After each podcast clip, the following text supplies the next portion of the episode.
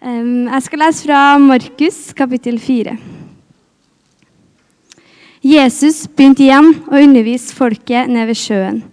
Det samla seg en så stor folkemengde omkring han at han måtte gå ut i en båt og sitte i den ute på sjøen, mens hele folkemengden sto på land helt ned til vannkanten. Han underviste dem om mange ting og la fram sin lære i lignelser. Hør, sa han. En såmann gikk for å så. Og da han hadde sådd, falt noe ved veien, og fuglene kom og tok det. Noe falt på steingrunn hvor det var lite jord, og det skjøt straks i været fordi jordlaget var tynt. Men da solen steg, ble det svidd eh, og visna fordi det ikke hadde fått slå rot. Noe falt blant tornebusker, og tornebuskene vokste opp og kvalte, så det ikke bar frukt. Men noe falt i god jord, det skjøt opp, vokste og bar frukt. 30, 60, ja 100 ganger um, det som ble sådd. Og han sa, Den som har ører, hør med, hør. Da han var blitt alene med de tolv og de andre som var med han, spurte han dem om lignelsene. Han svarte, Til dere er hemmeligheten om Guds rike gitt. Men til dem som er utenfor, blir alt gitt i lignelser. For de skal skje og skje, men ikke skjelne. Hør og hør, men ikke forstå, så de ikke vender om og får tilgivelse. Og han sa til dem, når dere ikke forstår den lignelsen, hvordan kan dere da forstå noen annen lignelse? Såmannen sår ordet. De ved veien er sånne som ordet blir sådd i, men når, de, men når de har hørt det, kommer straks Satan og tar, bort, tar bort ordet som ble sådd i dem. På samme måte er det med dem som ble sådd i steingrunn. Det er dem som straks tar imot ordet med glede når de får høre det. Men de har ingen rot og holder bare en tid. Da de møter motgang eller forfølgelse for ordets skyld, faller de straks ifra.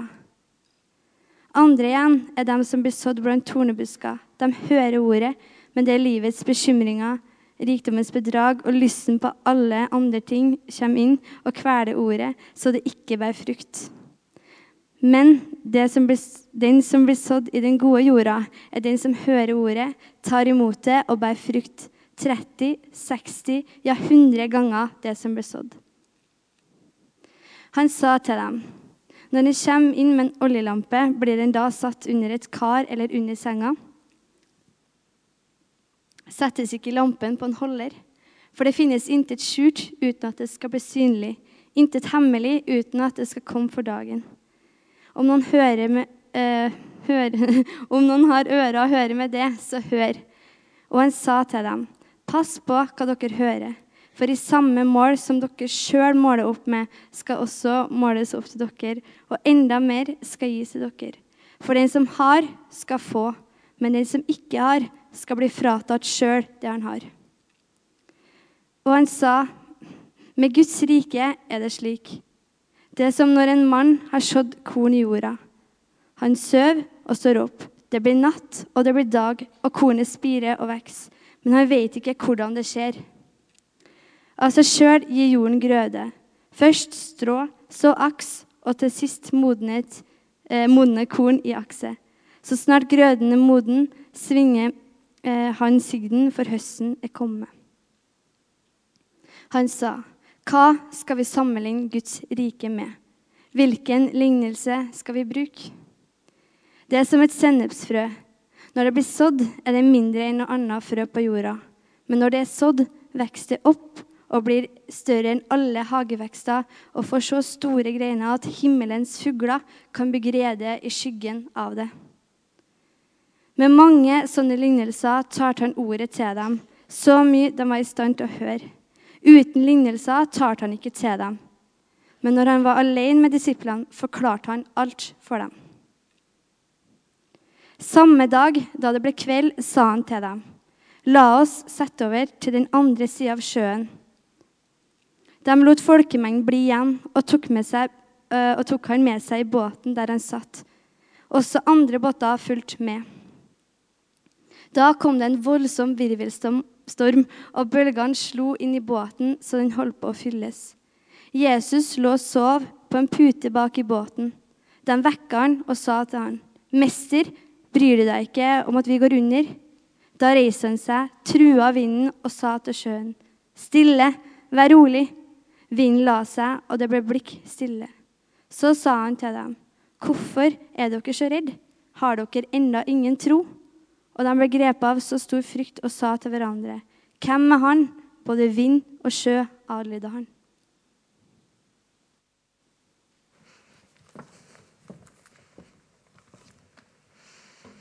Takk, Ida, som leser tekst. Ida går på akta. Og på fredag så måtte jeg hente Ida, for hun hadde sparka fotball og vrikka foten. Og så måtte jeg kjøre på legevakta. Og Der var det ikke noe brudd, ifølge røntgen. Og så kom hun hjem og hadde veldig vondt. Og Så ba de for henne, og så så de at hevelsen gikk ned. Og så ble hun mye bedre. Du halter litt, men mye, mye bedre. Er ikke det bra?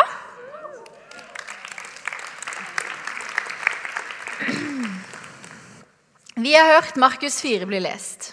Og Her er det flere historier og flere lignelser som Jesus bruker. Eh, og Noe det forteller oss, er at det er en del omstendigheter i livet våre som vi ikke rår over. Vi ser bonden, han sår og han pløyer, men denne veksten har ikke han helt kontroll over. Og Vi leser om, om noe av kornet som faller i forskjellig jord. I forskjellig jord. Og så ser vi at utfallet av det blir forskjellig. Vi ser om det her lille, lille frøet, som et av de minste frøene, som vokser til noen av de største eh, hagevekstene. Og så ser vi Jesus som eh, stiller stormen. Disiplene blir redde. De har ikke kontroll over stormen, men så tar Jesus kontroll. Eh, og en av de tingene som jeg syns historiene har til felles, er at det er ting i livet vi rår over, men så er det alltid noen ting i livet vi ikke rår over. Eh, og Den historien som jeg skal gå mest inn i i dag, det er den som er til slutt, i Markus 4, om Jesus som stiller stormen. Det første jeg har lyst til å si noe om, er at Jesus er alltid i båten. Jesus er alltid i båten. Han har lovt å gå med oss. Og Vi ser at disiplene de blir stressa og de blir redde. og De prøver å få vannet ut av båten. Og Jesus han ligger og sover på en pute.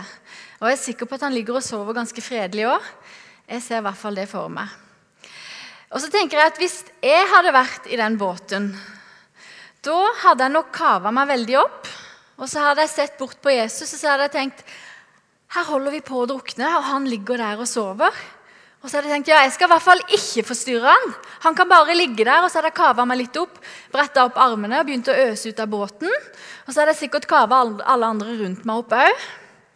Og så hadde jeg sett bort på Jesus igjen, så hadde jeg tenkt ja, det er i hvert fall godt noen her har roen. Og så hadde jeg tenkt meg selv det er godt at noen her har vett til å redde situasjonen. Disiplene de var stressa, og så våkna de Jesus til slutt. Jesus han er alltid med oss i båten uansett hvilken situasjon vi er i.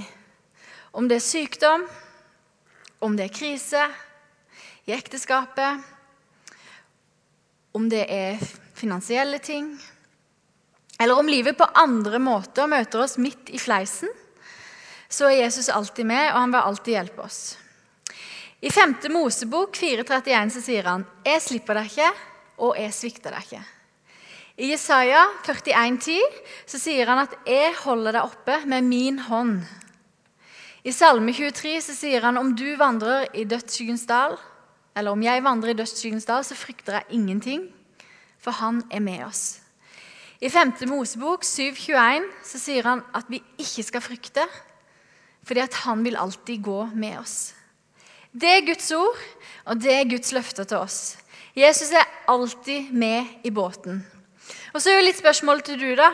Regner du med Jesus i båten? Inkluderer du Jesus? Regner du med han? Kommer du på han når stormene kommer og krisene kommer? Jesus sier at vi kan alltid regne med han, men regner du med han? At han alltid er der for deg, uansett situasjon. Så hvis Jesus er i båten og stormene kommer. Hva gjør vi da? Det er én ting som vi kan være helt sikre på i dette rommet. Og det er at stormene vil komme. Og hva gjør vi når det møter oss midt i fleisen når det stormer som verst? Det paradoksale er jo at det har storma denne uka. Og jeg hadde begynt å jobbe med denne talen før stormen kom. Men hva gjør vi når det møter oss midt i fleisen? Vi vil alltid være en menighet der vi er mennesker som på en eller annen måte er midt i stormen, noen av oss. Av og til er det meg, og av og til er det deg. Så om Jesus er i båten som vi har slått fast at han er, hva gjør vi da? Og hva gjør vi ikke? Hvilke kamper kjemper vi? Og når er vi stille? Og Jeg har lyst til å fortelle om en historie i mitt liv. 20. August, nei, 1. august for halvannet år siden så ble jeg syk. Jeg trodde at jeg hadde fått eh, spysjuka, men den gikk jo aldri over. Eh, så det viste seg at jeg hadde fått et virus som hadde sånn influensalignende symptomer. Og jeg var syk i ca. tre måneder. Helt syk eller sengeliggende en periode av det og ble gradvis bedre og bedre. Men tre måneder var jeg syk. Og vet du hva, når jeg ble syk, så ble jeg livredd. Jeg har vært velsigna med en veldig god helse, og før så hadde jeg kanskje vært syk én til to dager i løpet av året. Kanskje ikke det engang. Og denne sykdommen den varte og den rakk. Og det kom en sånn frykt over meg. Og jeg vet at med huet mitt så var det irrasjonelt, men hele meg tenkte at jeg kommer aldri til å bli frisk igjen. Og så skjønner jeg med huet mitt at jeg kommer til å bli frisk. Men jeg var livredd, og jeg snakka med legen, og han sa du kommer til å bli frisk. Og jeg snakka med Irene, og Irene sa jeg er ikke i tvil om at du kommer til å bli frisk. Men den der følelsen og den desperasjonen var så sterk på at nå kommer jeg til å være sånn resten av livet.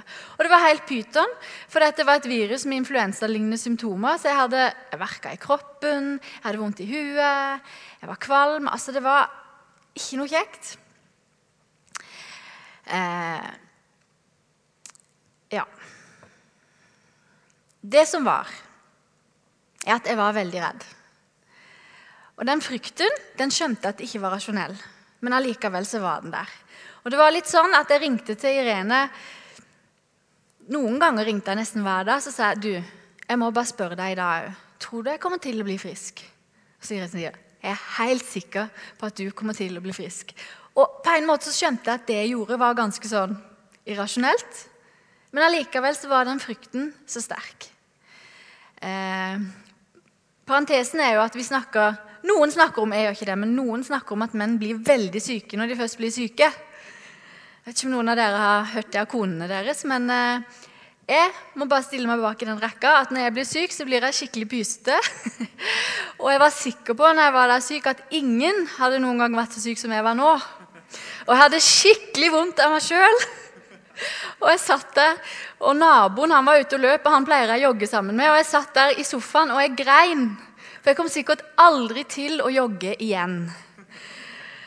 Og så kan vi le litt av det, samtidig så var det så fælt å ha det sånn. Og det har jeg lyst til å si noe om at jeg var redd. Og I Guds ord så står det noe om at vi skal eie hans fred, og at han vil gi oss av sin fred. Eh, og jeg kjente ingen fred. Og jeg var altså så sinna på Gud. For en ting var at jeg lå der syk dag etter dag etter dag. Og en annen ting var, var det at han helbreda meg jo ikke. Men når jeg på toppen av det hele måtte ligge der syk, kunne han da ikke det minste gi meg av denne freden som han Jeg var skikkelig sinna, som han skryter så av i sitt ord, da. For jeg kjente ingenting til det. Og jeg ble bedt for. Og, og jeg var så skuffa. Og jeg var så sår. For at når jeg for en gangs skyld virkelig trengte Guds fred Jeg har trengt mange andre ganger òg. Så kom han ikke med det engang. Og det var kjempesårt. Så hva gjorde jeg? Jo, når du er midt i stormen, og Jesus er i båten, så trenger du fortsatt mennesker rundt deg. Og heldigvis så hadde jeg en menighet og venner og familie som jeg kunne gå til. Som kunne være der for meg. Jeg hadde en menighet som stilte opp på alle mulige måter. Og selv om ikke de kunne gjøre meg frisk eller ta vekk frykten, så hjalp det masse. Og jeg fikk hjelp til å se noe som sikkert mange av dere vet allerede. Men jeg hadde litt den holdninga at hvis noe er galt, eh, og livet er ikke sånn som det skal være, så må fikser fikse det. Eh, og jeg ville ikke finne meg i at jeg var syk og at jeg var redd. og alt det der. Nei, sånn skal det ikke være. Sånn skal jo ikke livet være. Men fordi jeg var omgitt av gode mennesker som er glad i meg, eh, så fikk jeg lære masse. Og en av de tinga som jeg fikk lære, og som jeg måtte akseptere, er at livet består faktisk av gode og av vonde dager. Og at det faktisk er ikke noe galt om livet ikke er på stell, eller om man ikke har det helt bra. Og Vi lever i et samfunn der lykke er en menneskerett, og der lykke i samfunnet vårt er den høyeste verdi. Om en ikke er lykkelig, da er det noe galt, og da må man gjøre noe for å få fiksa det. Og så er det masse råd ut i samfunnet til å få fiksa det. Men det som jeg lærte av de tre månedene jeg var syk, og ikke minst redd, var at det er en naturlig del av livet. Og Når Jesus sier at han er med oss alle dager, og når Jesus sier at han er med oss i trengsel, at han trøster og oss han bærer, så må jo det bety at livet som kristen, eller livet generelt, ikke bare er en lykkerus. Når, når Bibelen, Guds ord, er så full av trøst og ord om at Han holder oss oppe, da må jo det bety at en naturlig del av livet er at vi av og til har det vondt. Ingen skal leve liv der alt er på stell, der det er ingen problemer eller vanskeligheter eller utfordring, og lykken bare varer og vokser og gror. Men livet er faktisk sykdom, og livet er faktisk død. Og det er fortvilelse, og det er frykt, og det er tøffe ting som hender. Og det hjalp meg så mye å se på det at når jeg var der sjuk og jeg var livredd, så var det faktisk del av livet, det òg. Og det hjalp meg så mye å akseptere det. Og så kunne jeg si at eh, det er ikke noe godt å være redd. Det er ikke noe godt å ha den frykten inni seg, men det er del av livet. Og jeg kunne si det at det å ligge her sjuk er helt pyton. Men det hjalp meg så mye å se at det er òg en del av livet en må akseptere. Og så har det hjulpet meg mye siden. For det at om jeg har en dårlig dag, eller om det er tøffe ting som står på, så tenker jeg ikke at nå er det noe galt, og nå må jeg få fiksa det. Men jeg tenker at ja, ja, sånn er dagen i dag. Sånn får det bare være. Eller jeg tenker ja, av og til er livet tøft, og det føles ikke godt. Og det kjennes ikke greit ut, men det er òg del av livet.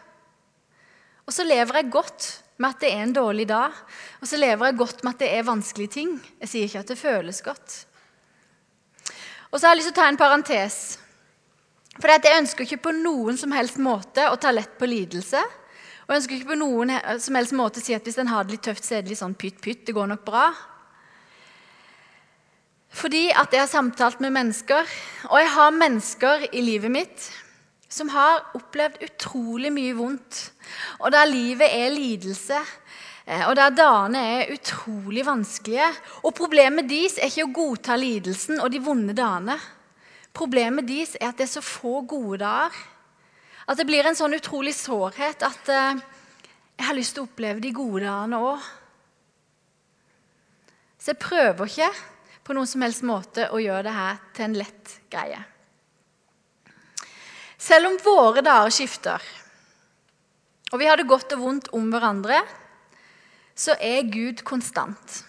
Han er og forblir god. Hans godhet og nåde varer alltid. Han skifter ikke. Gud er konstant.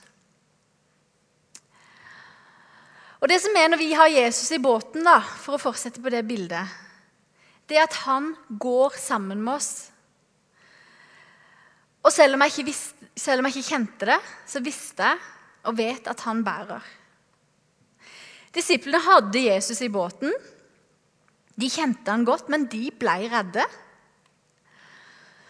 Og Det paradoksale synes jeg, i historien er jo at de ble grepet av frykt når Jesus stiller stormen og når han roer ned sjøen. Så ble de redde da òg. For hvem er han? Skulle tro de visste hvem de hadde om bord i båten når de hadde vært med han såpass lenge. En ting som trøsta meg mye, selv om jeg var redd og selv om jeg var syk, det var at Jesus har inderlig medfølelse med oss. Og I Matteus 9,36 så står det Han så folket, og så fikk han inderlig medfølelse med dem. Og Det er så sterkt for meg det der at når vi er redde, eller livet raser, eller livet går oss imot, og det er fullstendig storm og kaos, så står ikke bare Jesus litt sånn på sida og ser på oss, men han har inderlig medfølelse med oss. Og Det er ikke sånn der en greie ja, ja, jeg har litt vondt av det greie. Men han føler virkelig med oss, for han kjenner oss fullt ut. Og han føler det vi går igjennom.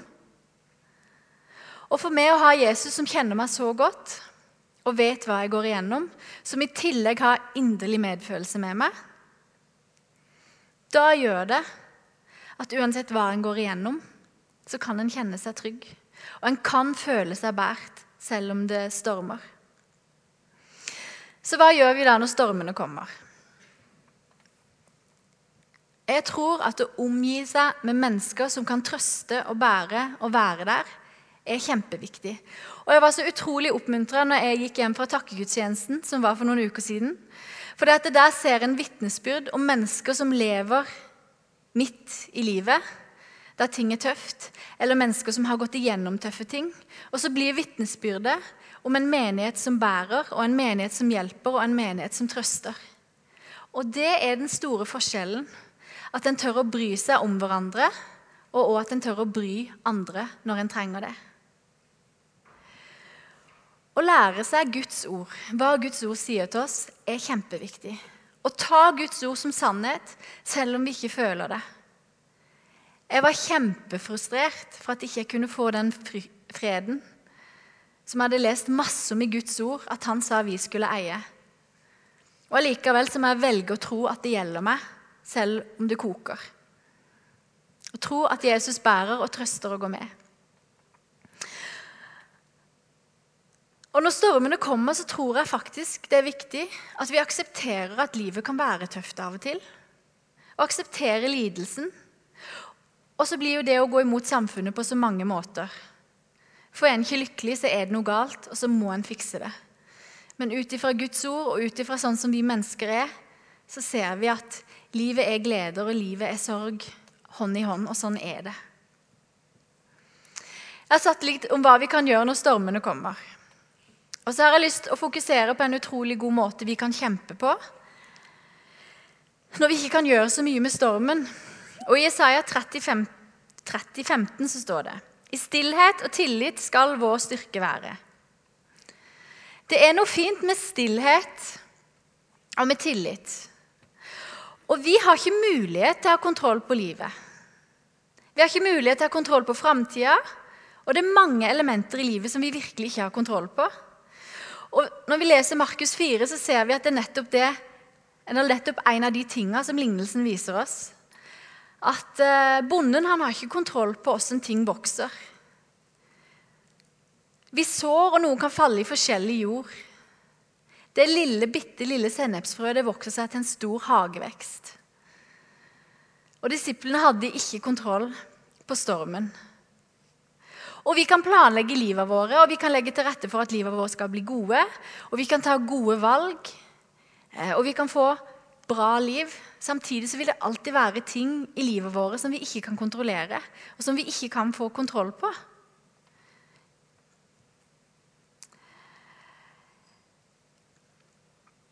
Og i det så kan vi i tillit og i stillhet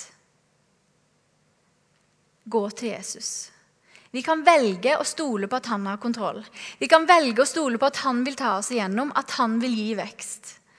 Og I Guds ord så står det at han kan vende alt til det gode. Og Det er noe jeg stadig tenker på, og det er noe jeg stadig bruker. Når det er ting i livet, så kan jeg tenke Gud, hvordan kan du vende dette til noe godt? Og Samtidig så gir det meg håp. Det møter meg med et utrolig stort håp. For at uansett hva som skjer meg i livet, så er det håp. For at Gud kan vende alt til noe godt. For at vi har med en Gud å gjøre som er mye større enn våre omstendigheter. Og vi har med en Gud å gjøre som holder deg og hele din verden i sin hånd. Og For meg så blir ikke det der at Gud holder hele verden i sin hånd, da blir ikke det en sånn der hånd som er utstrakt, så ligger det en sånn der eh, jordklode der. Men for meg så blir det at jeg ligger oppi hånda til Gud her, og så holder Gud hånda si oppe foran ansiktet sitt. Og så er det hånd, sånn han holder meg og verden i hånda si. I stillhet og tillit skal vår styrke være. Og jeg tror at nettopp en del av stormene i livet våre skal vi få lov å kjempe i stillhet og tillit til Gud, som holder oss oppe, og som har kontroll. Og når Jesus er i båten, kan vi bevare håpet, for det er alltid håp. I Guds ord så står det om at den som setter sitt håp til Han, skal aldri bli til skamme. Og så har jeg lyst til å si en utfordrende ting og en god ting når jeg går mot slutten. For det at Jesus han sov godt framme i båten på puta. Jesus visste hvem han var, og han visste at han kunne stille stormen. I Efeserne 1 så står det om at vi er i Kristus. Dette kan akta, ikke sant? Jeg har hatt det i Efeserbrevet, så jeg vet de kan det. Vi er i Kristus. I Guds ord så står det at vi skal få lov å gjøre de samme gjerningene og større gjerninger enn de Jesus gjorde når han, jorda, når han var på jorda. Og I Guds ord så står det at den samme kraft som reiste Jesus opp fra de døde, den bor i oss. Og vet du hva? Det betyr at når stormene raser i livet vårt, så er vi òg gitt en autoritet og en kraft i Jesus som vi kan få lov å kjempe stormene med. Vi er ikke satt hjelpeløse på sida. Samtidig som vi skal få lov å kjempe i stillhet og tillit, så skal vi få lov å vite hvem vi er i Jesus. Og når vi vet hvem vi er i Jesus, så kan vi få lov å reise oss. Og så kan vi få lov å forme livet våre gjennom den kraften vi har i Jesus. Og på grunn av det vi har i Jesus, så kan vi reise oss midt i stormen, og så kan vi bli stående. Og det er en oppmuntring, og det er et håp at vi er skjult i Kristus, og at hans kraft bor i oss. Jeg skal gå mot avslutning. Jesus er alltid med oss i båten. Om stormene raser, eller det er sol og deilig bris, så er Gud alltid den samme. Han er alltid konstant. Og han utfordrer deg til å ta han med seg i båten. Han utfordrer deg til å stole på han når dagene utfordrer deg. Han har inderlig medfølelse med deg, og han går sammen med deg. Og Han gleder seg med deg når dagene er gode, og han heier på deg. Jeg har lyst til å lese en salme som sier noe om hvor nær Gud er oss. Som sier noe om hvor godt han holder oss fast, og som sier noe om hvor mye han vet om oss. Det er i Salme 139. Jeg skal lese litt av den. Herre, du ransaker meg, og du vet. Du vet om jeg sitter eller står. På lang avstand kjenner du mine tanker. Om jeg går eller ligger, ser du det. Du kjenner alle mine veier. Før jeg har et ord på tungen, Herre, kjenner du det fullt ut. Bakfra og forfra omgir du meg. Du har lagt din hånd på meg. Det er et under jeg ikke forstår. Det er så høyt at jeg ikke kan fatte det. Hvor skulle jeg gå fra din pust? Hvor skal jeg kunne flykte fra ditt ansikt? Stiger jeg opp til himmelen, er du der. Legger jeg meg i dødsriket, er du der. Tar jeg soloppgangens vinger og slår meg ned der havet ender, da fører din hånd, meg, din hånd meg også der. Din høyre hånd holder meg fast. Jeg kan si, la mørket skjule meg og lyset omkring meg bli natt. Men mørket er ikke mørkt for deg, og natten er lys som dagen, og mørket er som lyset. For du har skapt mine nyrer, du har vevd meg i mors liv. Jeg takker deg, for jeg er så underfull laget. Underfulle er dine verk, det vet jeg godt. Knoklene mine var ikke skjult for deg da jeg ble laget på hemmelig vis og vevd i, dy i dypt i jorden. Dine øyne så meg da jeg var et foster. Alle dager er skrevet opp i din bok. De fikk form før en av dem var kommet. Dine tanker, Gud, er dyrebare for meg. Summen av dem er ufattelig. Teller jeg dem, er de talløse som sand. Blir jeg ferdig, er jeg ennå hos deg. Når stormene kommer, så er Jesus alltid i båten sammen med oss. Og uansett omstendighetene våre, så kan vi vite at vi blir båret av en Gud som kjenner oss, og som bærer oss, og som aldri slipper oss. Skal vi be.